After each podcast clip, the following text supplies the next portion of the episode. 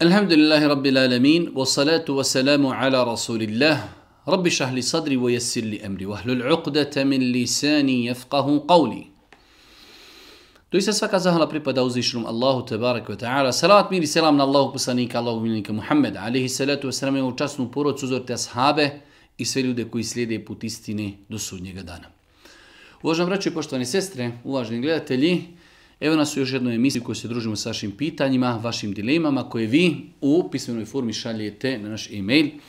Ako smo dobro brojali, ovo je naša 124. emisija. Prvo pitanje. Znam za nagradu ko priredi iftar postaču.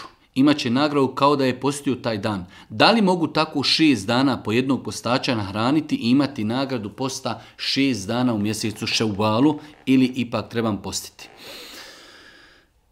Ovo je jedna, ajde da kažemo, nejasnoća koja se javlja kod određenog broja ljudi i za neke druge ibadete, pa imate slučaj da, će, da Allah poslanik je kazao ko klanja dva rekiata u Kubau, do Kuba, kao, ima nagradu kao da je obavio umru. Da li to znači da ne trebamo obaviti umru ili imamo hadis da ko obavi e, umru u Ramazanu kao da je obavio hađ sa Božim poslanikom, da li to znači da ne trebamo obavljati hađ?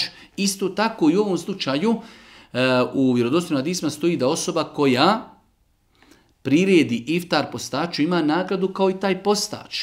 Ali to ne znači da je on postio, već ima nagradu. Tako da, ovo je neispravan način razmišljanja osoba koja želi da ima nagradu, E, posta šest dana u Ševalu treba da, nakon što znači je postila mjesec Ramazan, treba da u mjesecu Ševalu, koji je mjesec koji dolazi nakon mjeseca Ramazana, da posti šest dana i onda će ako Bog da postići onu nagradu da je Boži poslanik kazao ko posti šest dana u mjesecu Ševalu kao da je postio cijelu godinu.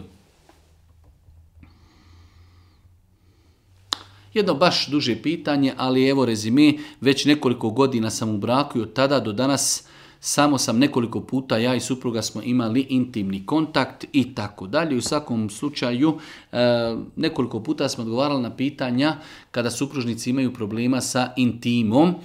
E, ovdje je, pošto je duže pitanje, e, jednostavno obostrano dolazi do da kažemo, zahlađenja. Niti muž, niti žena imaju potrebu za intimom. ali najbolje zna, mislim da bi trebalo prvo početi tražiti rješenje eh, kod eh, učača ruki. Jer ovakva situacija u većini slučajeva kada postoji problem u intimi, e, jedno od dva supružnika ima problem. Ili muž ili žena. Ali da oba supružnika imaju, e, to je baš e, jedna čudna i rijetka situacija gdje bi trebali početi da počnu tako što će otići kod ispravnog učača rukije da vide imaju li problema sa džinsko-šetanskim djelovanjem. Nakon toga ostaje moment ostaje moment eh, odlaska kod kompetentnih liječnika iz te struke da traži njihov savjet i ako Bog da nadam se da će se ta pitanja riješiti. U većini slučajeva znači pitanja problemi intime su vezani za jednu od ove dvije stvari ili je u pitanju džinsko šetansko djelovanje ili su u pitanju određeni eh, zdravstveni problemi jednog od dva supružnika tako da ono što možemo sada eh, u kažemo u grubo i na početku savjetovati jeste da se pokušaju poduzeti ove dvije stvari. Kontaktiram vas povodom pitanja trgovini automobilima. Konkretno me zanima da li je halal i da li je halal baviti se švercom i preprodajom automobila. E, s aspekta islama nema smetnje da se čovjek bavi preprodajom auta. Kupio auto, prodao, zaradio ili manje ili više nekada izgubio, nekada zaradio. To je s aspekta islama, se bavi čovjek trgovnu, kupio kravu, prodao kravu, kupio auto, prodao auto, kupio traktor, prodao traktor, to je u islamu dozvoljno. E sada, E, da li čovjek ima određene obaveze prema državi u tom poslu, mi o tome ne govorimo. Mi govorimo s aspekta islama. Da li je dozvoljeno čovjek se bavi e, preprodajom auta, odi na pijacu, vidi auto povoljno, e, misli da na može zaraditi, kupi ga, postaje njegov vlasnik, nakon toga ga proda nekome drugome. Da li je takav novac halal? Da, s tim što čovjek treba da pazi da ako prilikom trgovini auta otkrije neku mahanu pri autu, Prilikom prodaje auta narednoj osobi obaveza mu je da spomeni mahane prisutne na robi. Isprizrena sam Pominjem to jer u našem okruženju u ovim sredinama gdje žive bošnjaci zastupljeno da kada neka osoba preseli umre, nakon toga porodca te osobe koja je preselila kada se navrši 7 dana, 6 nedjelja, nekoliko mjeseci, polovina godine i godina e, od kako je osoba preselila, oni organiziraju e, mevlud i tako dalje. Da li je to ispravno? Apsolutno ne. Ništa u islamu, nakon što čovjek umri, ne postoji nikakva više procedura ili ceremonija koja se organizuje povodom njegove smrti. Ono što mi možemo zamijeniti u urati jeste da možemo za njega doviti, možemo za njega sadaku dati i možemo za njega obaviti hađi ili umru. Bilo kakvo organiziranje, manifestacija, 7 dana, 40 dana, nekoliko mjeseci, pola godine i godišnjica, sve su to izmišljene stvari, novotarije u dinu, u vjeri i to čovjek vjernik treba izbjegavati apsolutno. Malo duže pitanje, ali rezime je pitanja ako bi čovjek klanjao džumu namaz i izgubio abdest. Dok bi otišao ponovo da uzme abdest, vratio bi se, zatekao bi ljude kako sjede i uči etehijatu. Da li će on, nakon što imam preda selam, ustati klanjati dva rekiata ili četiri? Svakako četiri.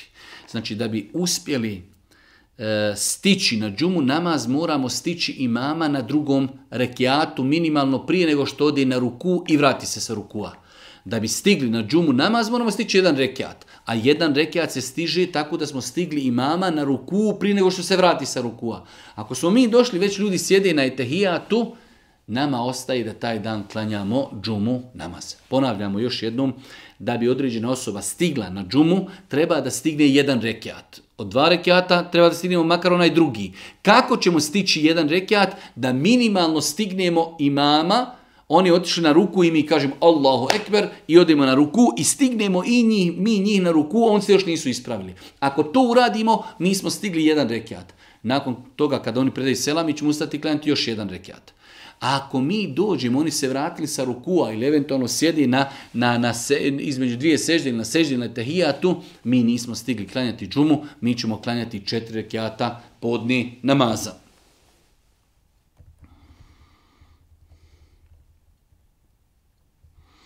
Opet jedno duže pitanje, e, jedna naša sestra sa zapada kaže mi kada smo gore na zapadu izbjegavamo svinjetinu, ali gdje god dođemo uzimamo piletinu, uzimamo e, junetinu, teletinu i to, to smatramo da je halal. Da li je to dozvoljeno, da li je to dovoljno? Ne.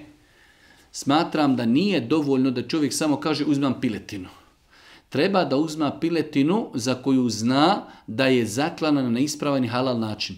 Kao što, znači, može biti piletina, može biti neispravno zaklana, pa je samim tim i za konzumiranje. I e, junetina može biti neispravno zaklana, ubijena, može biti, znači, iz pištolja ubijena junetina, ćemo to jesti? Nećemo jesti, to je strv.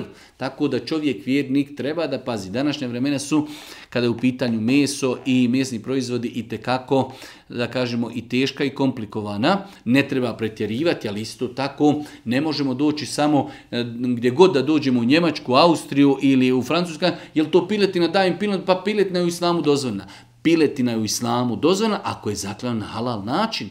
Svinjetina nam nije dozvoljena nikada. Kada bi svinju zaklali po islamskim principima, ona je haram. Ali piletina ili junetina ili teletina ili ili neko drugo meso od deve ili od konja mora biti zaklana po islamskim principima pa da bi bilo halal. Tako da to su dva odvojena totalno pojma. Odvojen je pojam da kažemo piletina je dozvoljena, ali je dozvoljena onda kada bude zaklana na halal način, junetina je dozvoljena onda kada je zaklana na halal način, e, devino meso je dozvoljeno onda kada je zaklana na halal način. Može se desiti da e, auto udari, udari kravu i krava crkla, mrtva. I mi kažemo pa dozvoljeno jesti kravlje meso, uzmijemo i jedimo. Udareno, mrtvo, uništeno, nema šta. Strv, tako da, znači, treba paziti, treba paziti šta jedimo. Dobro jutro, interesu mi je da li je dozvoljeno ili ne. Ja ne pušim, međutim moja majka i brat koji su kod mene u gostima, pošto oni ne imaju para, ja im kupujem cigare. Rekao sam im da to ostavi, ali oni neće da mi poslušaju.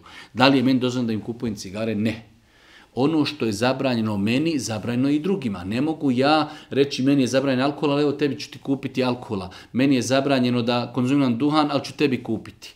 Čovjek treba da savjetuje majku i svoje kaže to vam je haram, ali isto tako ne mogu vas ja pomagati u tom haramu. Haram je meni, haram vama.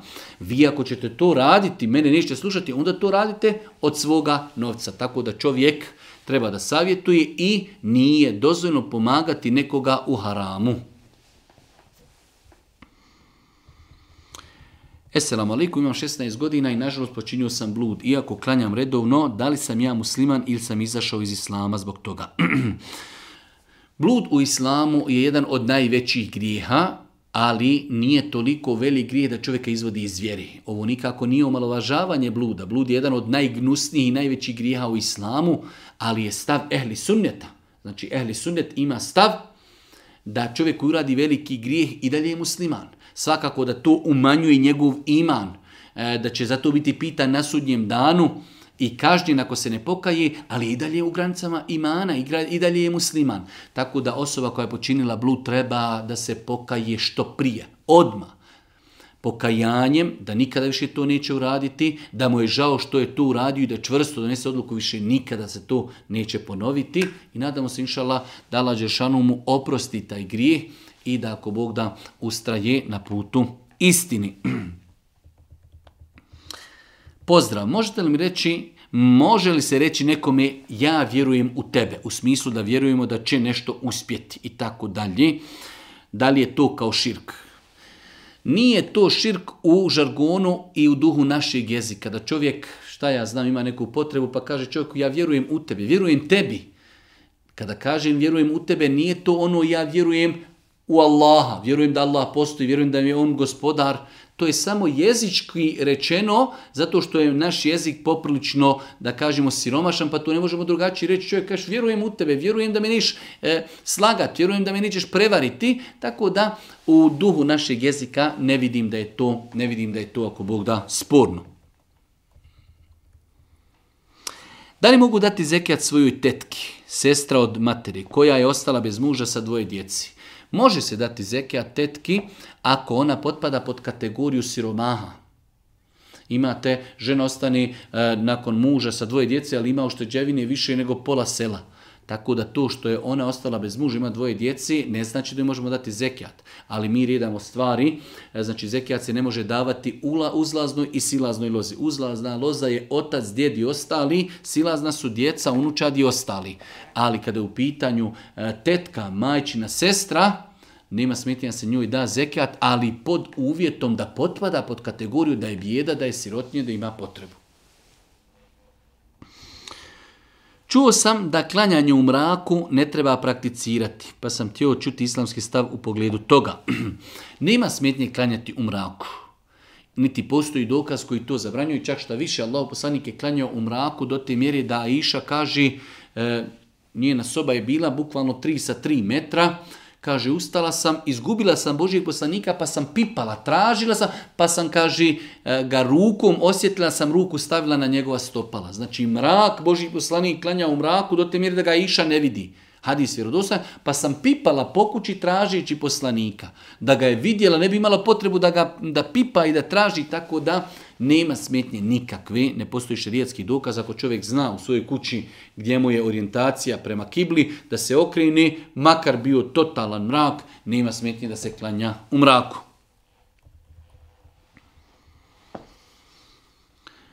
Da li je dozvan osobi koja ispravno u ime Allaha uči ruki uzeti novac? Osoba koja uči rukiju treba da zna da je to ibadet i svakako da je najbolje ako čovjek je imućan i ako može da to radi besplatno. To je najbolje i imat će sigurno najviše u tome i beričeta i blagoslova, ali isto tako e, skoro pa po konsenzusu islamskog činjaka doslovno čovjeku da naplati učenje ruke onako kako su to radili ashabi Božijeg poslanika. Spominjali smo hadijskoj koji Buharija da su ashabi bili na putovanju, pa su prolazi pored jednog plemena, njihovog poglavara je ujela neka otrovnica, pa jedan od ashaba rekao da će mu prušiti ruke, ali pod uvjetom da im dadnu jedan, jedno stado, manje stado ovaca, pa su oni to prihvatili, pa je ashab učio ruku, pa su im i dali te ovce i Boži poslanik je odobrio e, znači, e, jedenje mesa tih ovaca, tako da nema smetnje da se to naplati. Eh, ima jedna druga stvar, to je, osim pod uvjetom ako je bolesnik uvjeta ozdravljenje. Znači, može eh, bolesnik doći da njemu se uči ruke i kaže ja ću platiti ako mi izličite. Ako me ne izličite, neću platiti. Ako učač ruke na to pristani, onda se obodvojica i toga pridržavati. Znači, ako nisu ništa spomenuli i dolazi, eh, učač nije ništa spominjao i bolesnik nije ništa spominjao, ima pravo učač ruke da naplati učenje ruke, ali ako bolesnik uvjetuje i kaže ja ću platiti samo ako ozdravim, onda ako mučač ruke uči i ne ozdravi, ne treba mu plati, ako ozdravi treba da plati onoliko koliko su se dogovorili. Stav islama o morskim plodovima, da li je sve dozvoljeno iz mora kao školjke, rakovi, e, ajkule i ostalo? Allah poslanik ali salatu wasalam kazao je da da znači ono što je iz mora, da, da makar i uginulo, ono je halal, a i kuranski ajeti potvrđuju da je e, lov iz mora halal, tako da, e, inšala bizna, sve što živi e, kontinuirano u moru. Zašto kažemo kontinuirano? Imamo životinje koje žive period na kopnu, period u moru ili period u vodi, to su već drugi propisi. Ali životinje koje žive kontinuirano u moru, žive u vodi, Znači, ne mogu bez vode nikako. Takve životinje su, ako Bog da, halal i dozvoljene.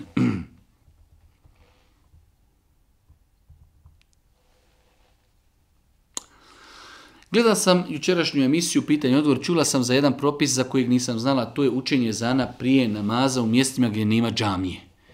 Znači mi smo negdje govorili pa smo kazali da osobe u, koje klanjaju u mjestima gdje nema džamije da prije namaza trebaju proučiti ezan. Pa kaže žena, ja živim u Italiji, živim sa sinom. Moje pitanje glasi da li ja kao žena moram proučiti ezan. U svakom slučaju, ako osoba živi u mjestu u kojem se ne uči ezan, ako ima žena sina, eh, bolje je da sin prouči ezan, ali isto tako i ako bi i žena iako nije obaveza u slučaju, eh, obaveza se prvenstveno odnose na muškarce, ali ako bi i žena u kući, znači proučila ezan toliko da ona čuje ezan, ne sad da izađe na balkon pa da i čuju ljudi, to je već nešto, ali u svojoj kući da prouči ezan, ako Bog da eh, neće pogriješiti, dio učenjaka je smatrao da i žena ako klanja sama u mjestu koje već nije proučen ezan, da nema smetnje da prouči ezan. Znači, ovdje govorimo o mjestima u kojima nema džamije, u kojima se nije proučio ezan. Ako žena živi u Sarajevu, živi u Pazaru, živi u Tirani, živi u Prištini, imamo desetine džamija gdje se ezani uči. Žena kada krene klanjati ne treba da uči ezan niti kamet. Ali ako živi u mjestima gdje nema ezana, onda nema smetnje da i žena prouči, znači toliko koliko čuje i sebe u svojoj kući da prouči ezan, ali je to bolje da uradi njen sin.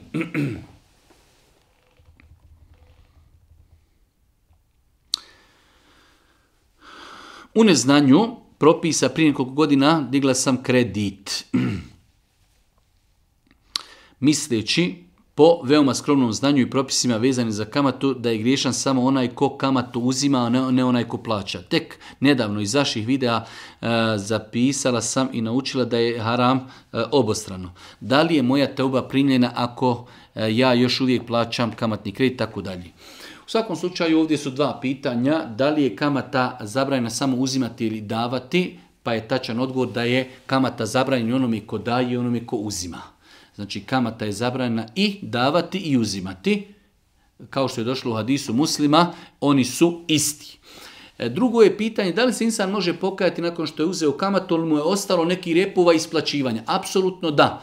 Čovjek se može pokajati, ali ostali su repovi, mora isplatiti ono što je uzeo, ali to ne isključuje se pokaji. Čak šta više, treba da se pokaji. Neće čovjek čekati da isplati dug koji traje možda 10 godina, pa će se tek tada pokajati. Treba se odmah pokajati, a onda rješavati repove. Kao što čovjek ima koji se tetovirao. On se istetovirao, pokaji se. Ali tetovaža ostaje, to je taj rep. To ljudi vidi. Ali se on je pokaju. pokajao. Tako i čovjek koji je uzeo kamatni kredit, on će se pokajati ali ostaju obaveze. Treba da to izmiri, da to zatvori na način kako može. Možete li mi objasniti kakav je propis prodaje šljive nekom čovjeku ili firmi koja kaže da će peći alkohol, rakiju od tih šljiva? Molim te objasni propis ako nemam gdje prodati šljive osim tom čovjeku. Zabranjeno je prodati šljive ili bilo koju drugu vrstu voća ako znamo da će se od tog voća praviti alkohol, ako smo sigurni. To što mi nemamo nikakvog drugog kupca uopšte nije razlog da mi ono što je zabranjeno pretvorimo u, u, u nešto dozvoljeno. Zato čovjek treba razmišljati na vrijeme. U redu, ove godine sam vidio da nemam kome prodati, idem sljedeće godine pa pravit ću pekmez, pravit ću džem, pravit ću, e, ako treba, izvat ću šljive, ću jabuke i tako dalje, ali e, čovjek treba na vrijeme da razmišlja da svoj život organizira i da ga uskladi sa propisima islama. Tako da zabranjeno je prodati šljive osobi za koju znamo sigurno da će od toga praviti alkohol, pa makar ne imali nekog drugog osim tog kupca. Da li moram sjedeći čitati Kur'an ili je bitno samo da imamo abdest i da smo propisano obučena, a moj položaj tijela nije bitan? Svakako iz respekta prema Kur'anu najljepše je da čovjek sjedi i da uči Kur'an, ali isto tako čovjek znači nema nikakve smetnje. Allah Đeršanu kaže u Kur'anu: "Ellezine yezkuruna qiyaman wa qu'udan wa ala oni koji spominju Allaha i stojeći i sjedeći i na bokovima ležeći. Tako da nema smetnje, nema smetnje da čovjek znači uči Kur'an i ležeći i na boku, svakako da je najljepši sjedeći, ali jednostavno neka se čovjek malo predrema, nekad leži pa ima slobodnog vremena, nema smetnje, nema smetnje da čovjek i ležeći ili na boku uh, uh, uči Kur'an. Čak imamo hadis da je išao Allah kaže Boži poslanik bi legao meni u krilo, a ja sam u hajzu. I tako ležeći on bi učio Kur'an. Znači Boži poslanik bi ležeći učio Kur'an, ležao bi i glavu bi naslonio na krilo a radi radijallahu taranha, ona još u hajzu i on uči Kur'an na takav način hadis, znači vjerodostojan bilježi ga i Buharija i Muslim, tako da nima smetnije učiti Kur'an ležeći. Da li je dozvoljeno osobi kojoj se uči ruke da nauči na med i ulje i da to pije i masira se? Apsolutno da. Znači, e, učiti Kur'an na ulje ili na, na hranu ili na vodu, nakon toga piti ili masirati ili se kupati, sve to ako Bog da e, dozvoljeno, sve su to dozvolili islamski učenjaci. Šta uraditi u situaciji kada te spihamo zahođom, a on brže zikri od nas? Prva stvar zikriti zajedno sa hođom je novotarija, nije propisan zikr, čovjek treba da zikri sam za sebe. Jedan od tih razloga jeste i to neko sad pa sad završi, a neko lagano zikri i onda ovaj ode sljedeći zikr mi kasnimo, tako da svako za sebe treba da zikri. Kada se znači završi farzi, svako za sebe zikri, neko će učiti ajetul kursi, neko uči e, e, subhanallah, alhamdulillah, Allahu ekber, neko ode kući, neko žuri, neko sporije, neko vrži i tako dalje. Tako da, Boži poslanik ali letu selam nije zikrio sa svojim ashabima džematile i zajednički zikr. Za njega najblaže što se može kazati je novotarija, tako da ne treba zikriti zajedno, svako za sebe treba da zikri. Da li je doslovno spavati na stomaku i tako zaspati? Imamo više hadisa vjerodostojnih kojima je Božji poslanik zabranio ležanje na stomaku. U nekim od tih hadisa stoji da je e, Allah poslanik kazao Allah ne voli to ležanje, takav način da čovjek leži na stomaku, kaže to Allah ne voli. A u nekim hadisma je došlo da je to ležanje kako leži stanovnici vatri. Tako da Čak je znao Boži poslanik nekada kada naiđe pored ljudi u džami koji leže na stomaku da bi ih gurnu nogom i kazao e, pomjeri se tako leži leže stanovnici vatri i tako dalje. Tako da su islamski učenjaci, pošto je to u poglavlju edeba, znači kodeksa ponašanja, kazao su da je pokuđeno. Da je pokuđeno ležati na stomaku, osim ako čovjek doista ima neku potrebu kao čovjek koji ima operaciju, bolestan i tako dalje, ali u nekim normalnim uvjetima čovjek vjernik treba izbjegavati ležati na stomaku. Trudna sam već šestu sedmicu, imam problema sa sihrom, liječim se već neko vrijeme, zanima da li smijem nastaviti sa rukljom u trudnoći. Moj savjet je u početku trudnoće bolje izbjegavati rukju, u početku iz razloga medicinskog.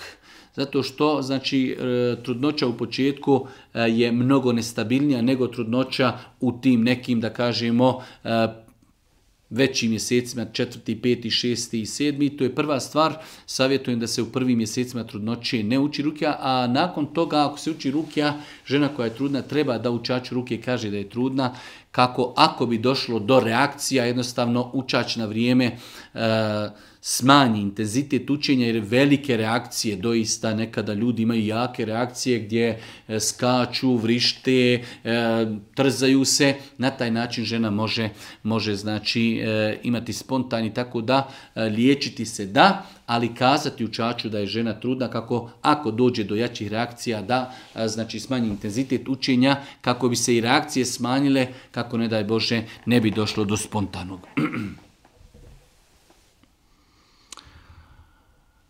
Preslušao sam odgovor, ali zanima me da... Znam da mi nisu mahrem ni Dajđić ni Amidžić, ali me zanima da li mi je mahrem rođa koji je u isto vrijeme i Dajđić i Tetić. E, jedna naša sestra kaže, znam da mi Dajđić i Amidžić nisu mahremi, ali šta ako jedna mi osoba u isto vrijeme i Dajđić i Tetić, to ništa ne na propis, to što je u isto vrijeme e, postala nije otišla stepen viši. Mi imamo, znači, Amidža je mahrem, a već iznad Amidži, Amidžin sin nije. Dajđa je mahrem, ali Dajđin nije, tako što je neko objedinio da je Tetić i Dajđić nije došao na veći stepen. On je i, i dalje ostao na istom stepenu, tako da Allah najbolje zna to što je neko i Dajđić i Tetić ne čini da je postao mahrem. Muž mi je više puta dao talak. Čak mi je i dva puta rekao dajem ti stotinu talaka odjednom. I to zbog nekih sitnica. Da li je dozvan da nastavimo živjeti zajedno? U islamu postoje mm, dvije vrste razvoda. Imamo opozivi i neopozivi razvod. Prva dva u islamu su opoziva, što znači čovjek može ženu vratiti u periodu ideta.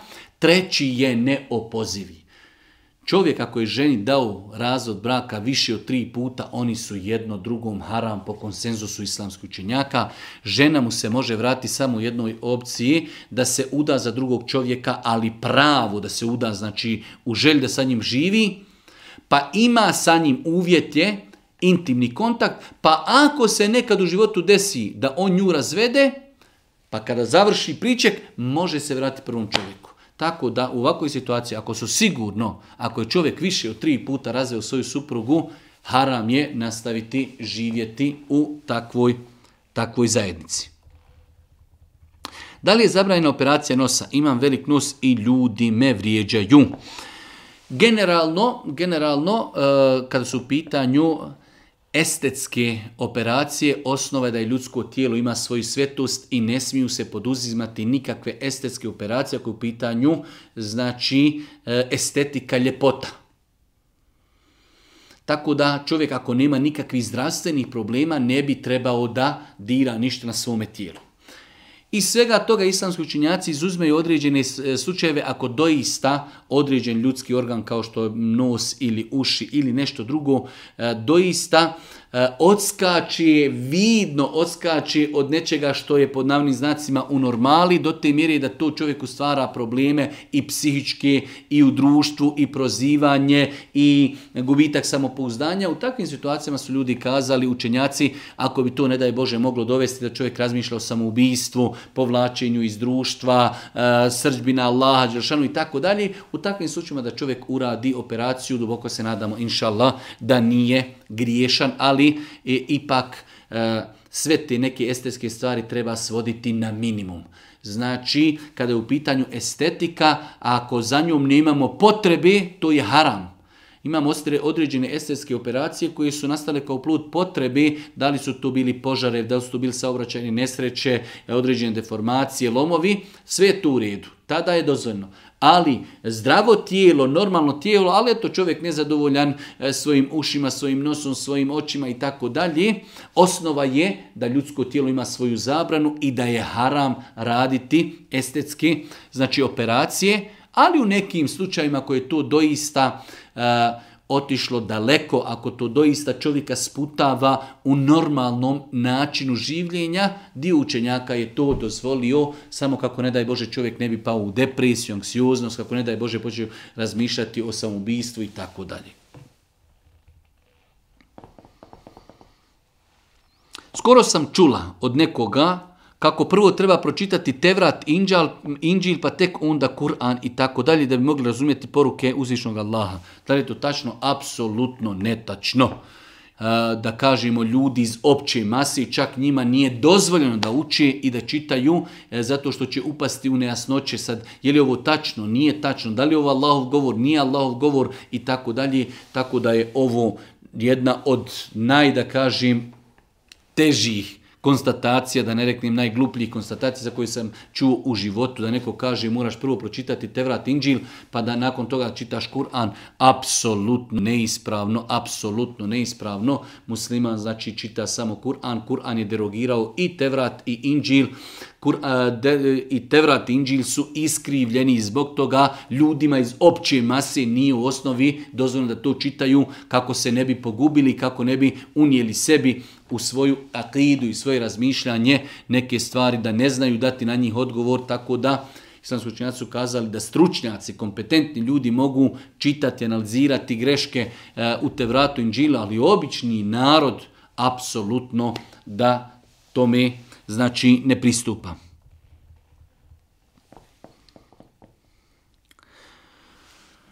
Da li se može klanjati zatvorenih očiju?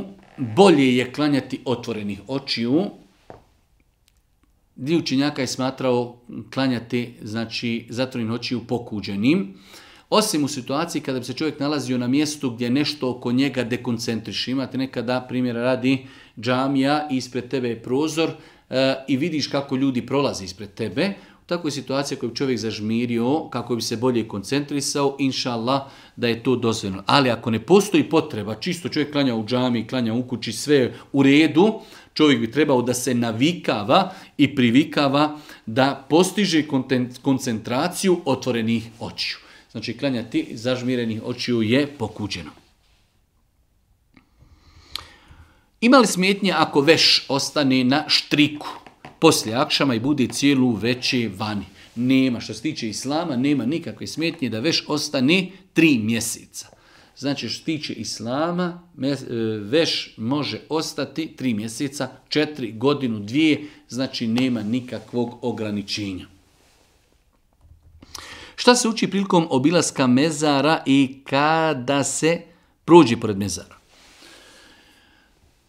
Postoje dove koje je Boži poslanik Ali se ja sam preporučio da čovjek koji prilikom prolaska pored e, mezarova kaže Esselamu alaikum ahle dijari minel mu'minine inna inša Allah bikum lahikun i tako dalje. E, znači ima jedna kraća dovica koju je Boži poslanik preporučio koja se može naći u knjizi Rijadu Salihin, u knjizi Slaz Dovi i tako dalje. U do, knjigama koje govori o dovi možemo naći dova koju je preporučio Allah poslanik da se prouči prilikom prolaska a isto tako čovjek koji je došao obilazi mezarluke ciljano, znači okrenut će se u pravcu kible i podići ruke i doviti za, e, znači, e, da li za svog nekog rođaka ili generalno za muslimane u tom mezarluku, doviti Allah Đešan da im oprosti, da im se smiluje, da je uvede u džene, da im e, učini prostranim njihove kabure i tako dalje. Znači, dovit će ono što je korisno za te umrle ljude.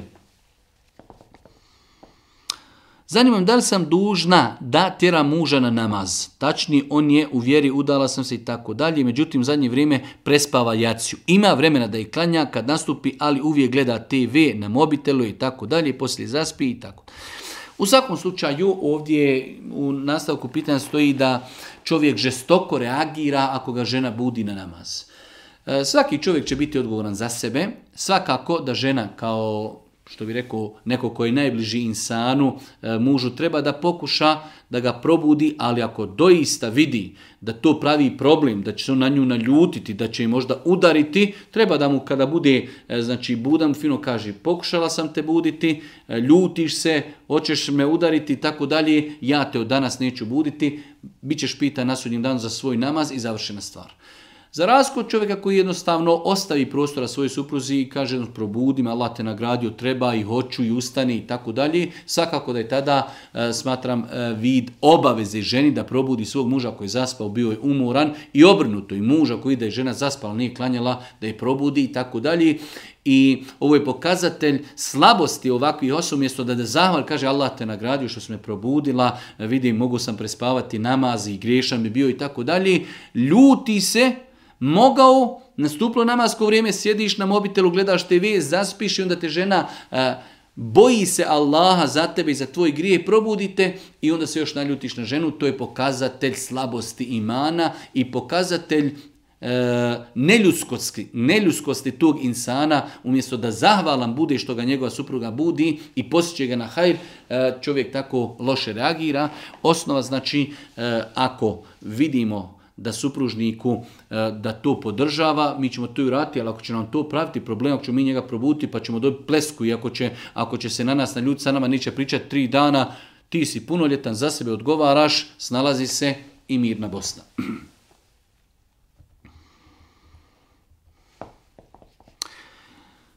Zanima me da li, da li ima smetnje na večer zaspati uz slušanje sure ili bekara da sura uči cijelu noć. Nema smetnje nikakve da čovjek krene spavati, uključi učenje Kur'ana i tako da zaspi da oko Kur'ana ostane i da tokom cijele noći Kur'an uči u kući. Nema nikakve smetnje, čak što više možemo kazati da je to lijepo.